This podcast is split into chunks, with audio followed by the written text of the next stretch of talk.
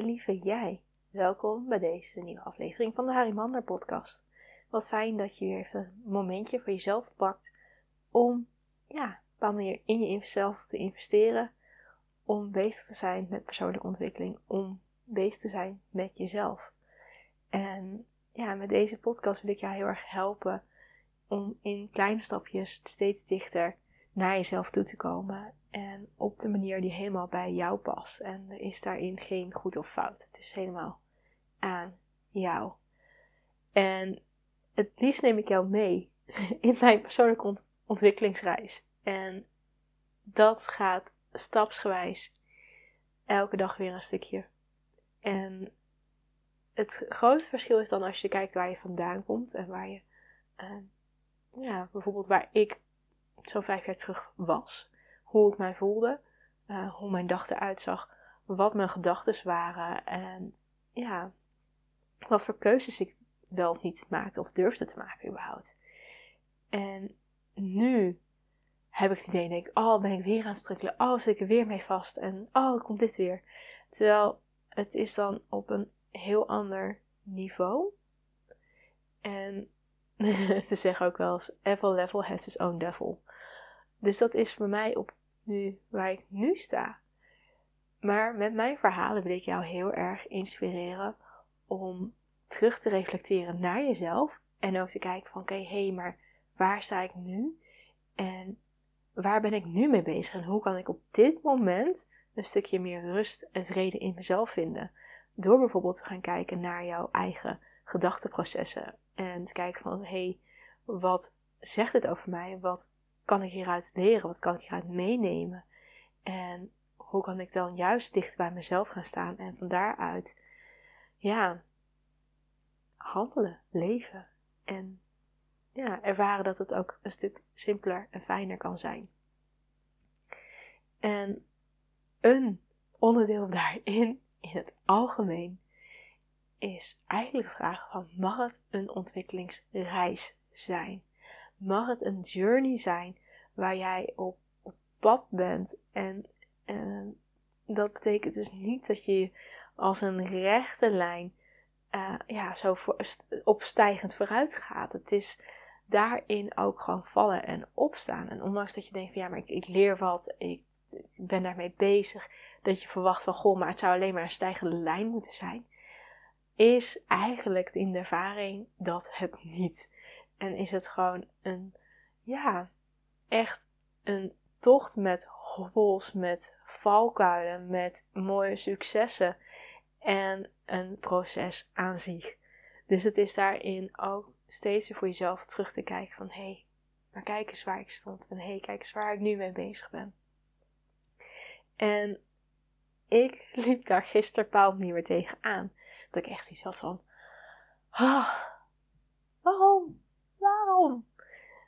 Ik uh, had zo'n drie uur lang gezeten achter de computer, uh, achter mijn eigen videowerk. Want ik wil mezelf iets meer zichtbaarder gaan maken, iets meer mezelf pushen om naar buiten te treden.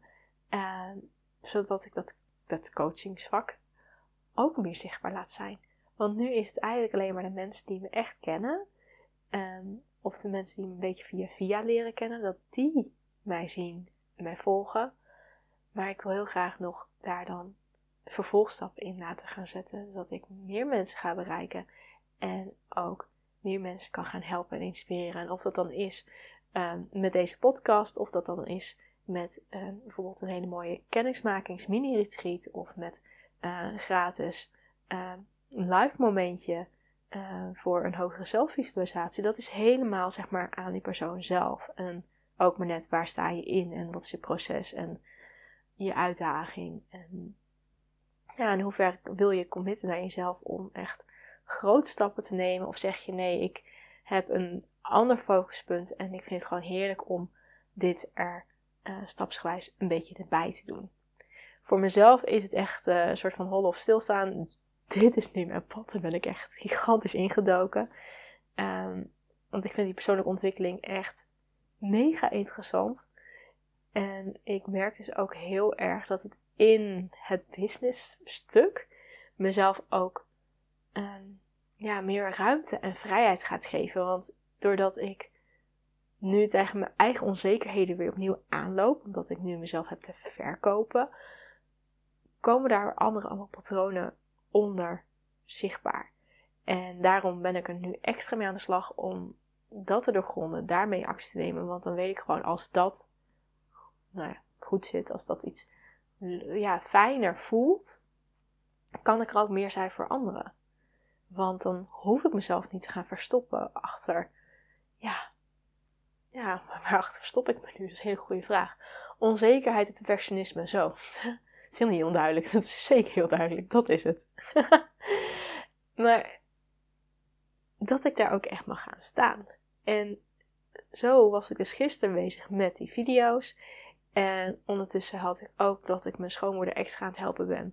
Want zij zit ziek thuis. En normaal gesproken help ik haar. En dan is zij heel erg dat zij klusjes aanstuurt voor mij. Van, hey, kan je dit doen? Of hey, kan je dat doen? En Ehm, ja, vaak is dat ik orders verzamel en dat voor haar klaarzet. Maar nu was het, kun je orders voor mij verzamelen en versturen.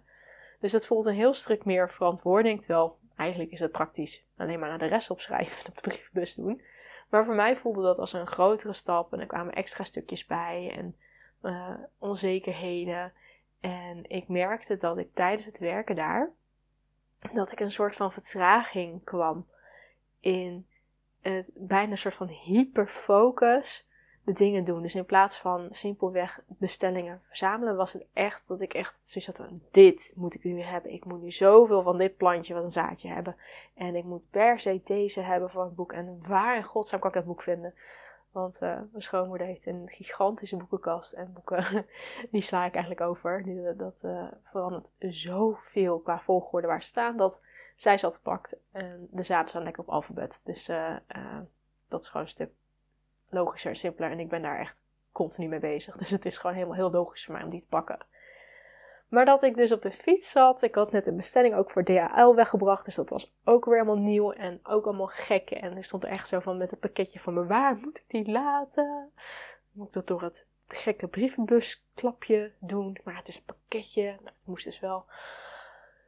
Maar dat ik op de fiets dus zat en denk van, oh, waarom voelt deze dag niet vervullend?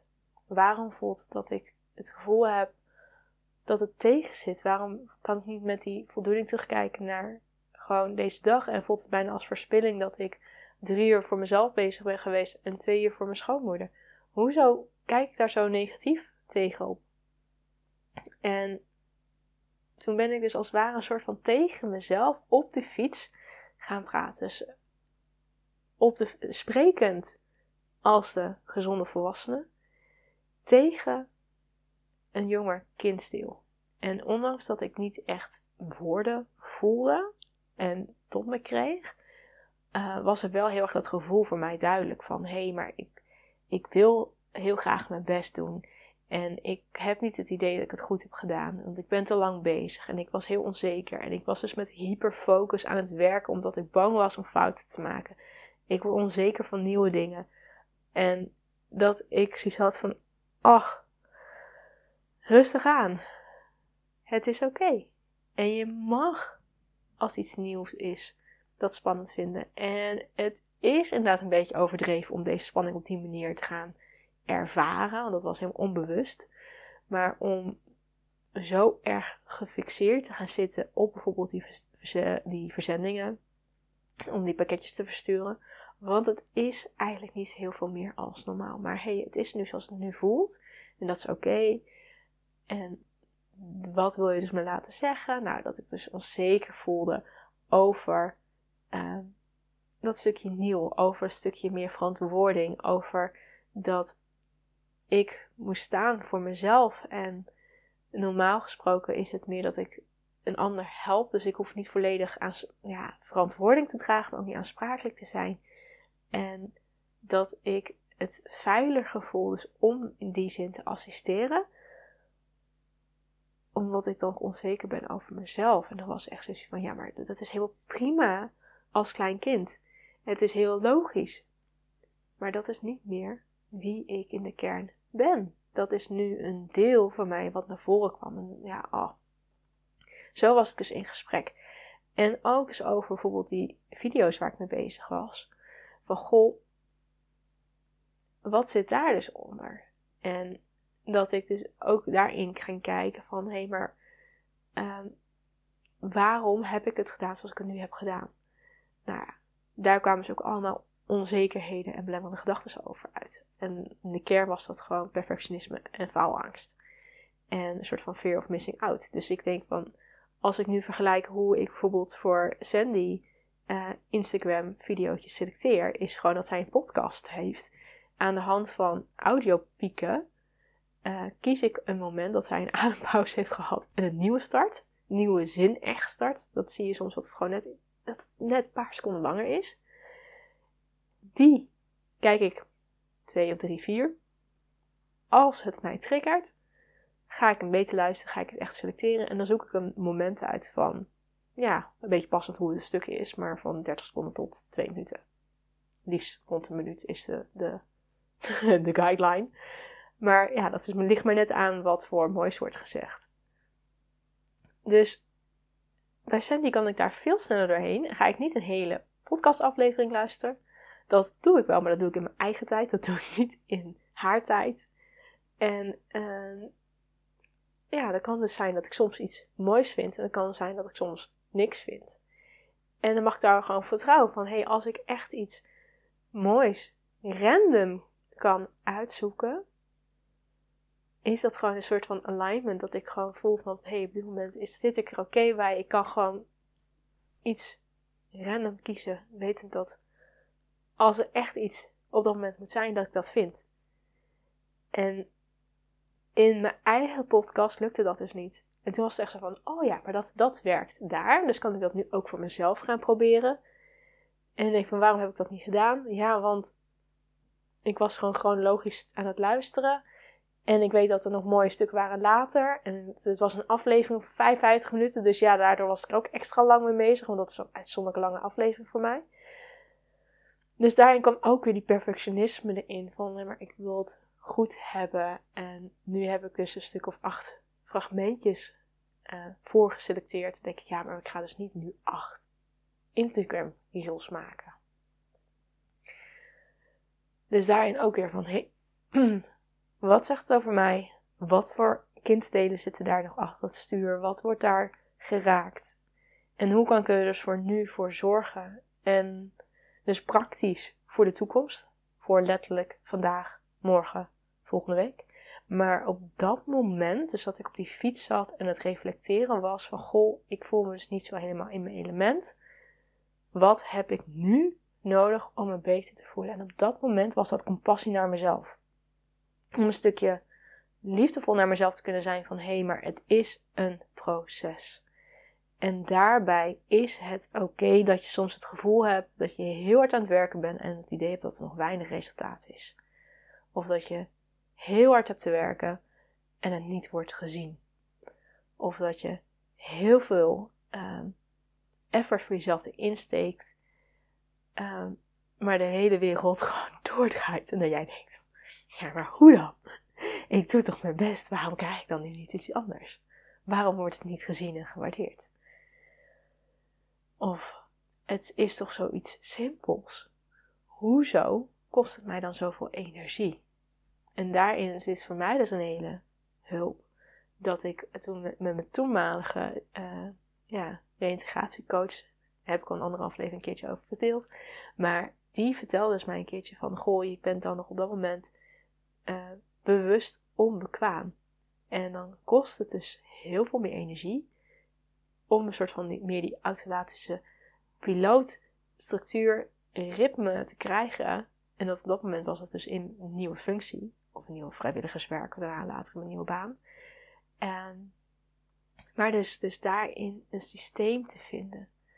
En dat creëert rust. En in het begin is die er nog niet. Dus ben je heel erg bewust daarvan. En nog heel erg bewust met je energie steeds bezig en je aandacht om dat uh, te sturen. En dan ben je daar nog een stukje onbekwaam in. En dat is helemaal oké. Ja, dus eigenlijk is mijn vraag aan jou: van waar struggle jij nu mee?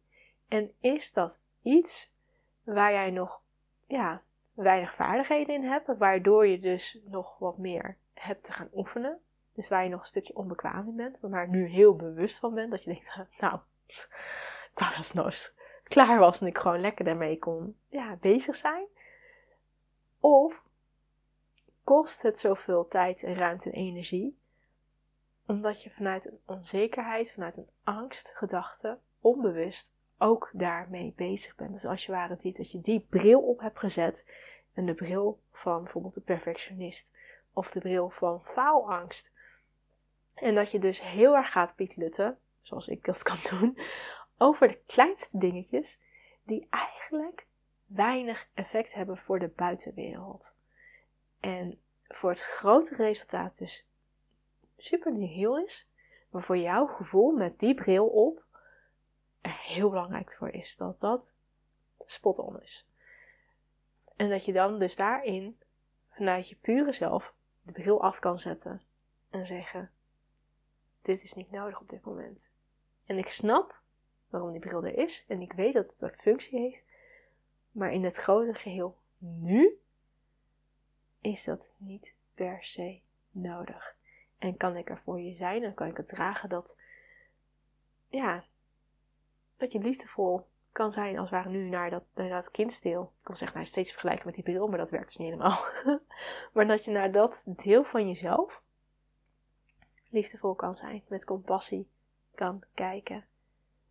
En het kan erkennen dat het inderdaad heel erg nodig is geweest in het verleden. Maar nu misschien eigenlijk niet meer. Waarschijnlijk nu niet meer. In mijn situatie absoluut niet. En een extraatje daarbij is om te gaan kijken van wat verlies je door op die manier zo met die bril bezig te zijn. Door hem bewust op te zetten. Dus in mijn geval, als ik die bril van perfectionisme en van uh, faalangst opzet, is het resultaat dus dat ik heel erg traag ben. Dat ik uh, heel erg ga pietlutten op kleine dingetjes. Met als gevolg dat ik dus uh, minder tijd heb voor andere dingen die misschien ook wel belangrijk zijn. Of te kosten gaan van uh, tijd voor mezelf. En bijvoorbeeld die, uh, het deel van het faalangst, als die meer aan het sturen is.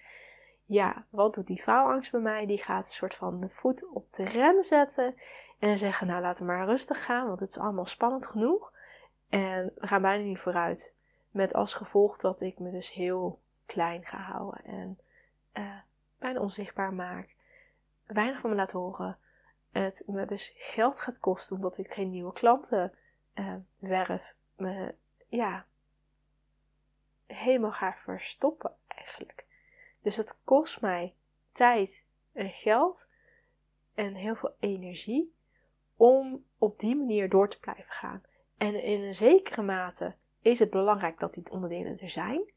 Maar in welke uh, grootheid bepalen ze op dit moment nu voor jou waarmee je mee bezig bent?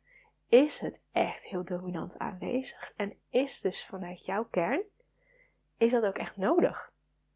Of kan je daar ook vanuit jezelf naar kijken en zeggen van het hoeft misschien niet meer? Of het mag kleiner en je mag erin groeien en meer die volwassene kant in jezelf omarmen en laten zien van hé, hey, maar ik ben een volwassen vrouw. Ik kan heus wel pakketjes op de bus doen. Ja, kan je weer bij mij uh, stomme voorbeeld. En ja, het klinkt echt zo stom als ik het nu zo zeg. En onbewust was dat het probleem. Terwijl, ja, met mijn, met mijn hoofd denk ik echt zo ja, tuurlijk kon ik dat. Natuurlijk gaat dat prima. Zo moeilijk is het niet. En dat, ja, dat had ik nu eigenlijk zoiets wat gehad van, had ik me dat maar iets eerder ingezien, dan had ik waarschijnlijk een iets relaxtere dag gehad. Ja, dus daarom wil ik het aan jou meegeven. Dat dit soms ook gewoon in ons speelt. En dat het dan aan jezelf is om te gaan reflecteren. Om even te gaan spiegelen van hé, hey, als je je niet helemaal in balans voelt, wat is er gaande? Wat gebeurt er? En wat heb je op dat moment nodig? En kun je dan zorg dragen voor die elementen in je, die op dat moment ehm, ja, vanuit een tekort, vanuit een angst, ja, zich mee bemoeien om jou te beschermen. Terwijl die bescherming eigenlijk helemaal niet per se zo meer nodig is. Oké, nou, ik ben benieuwd hoe deze aflevering voor jou is. Het is weer heel erg over mij, maar met als insteek om jou te leren en te helpen en te inspireren om te kijken naar je eigen processen en hoe dit bij jou in het dagelijks leven is. Oké, heel veel liefs. Stuur me een berichtje als je nog vragen hebt of wellicht interesse hebt in een, ja, een samenwerking met mij om te gaan kijken naar je innerlijke processen. Dit kan zo, wat ik net aangaf, kan gratis als betaald. Er zijn verschillende mogelijkheden. Dus laat me vooral weten als je daar ja, behoefte in hebt en voelt dat, je deze connectie met mij wel hebt. Oké, heel veel liefs en tot een volgende keer. Doei doei!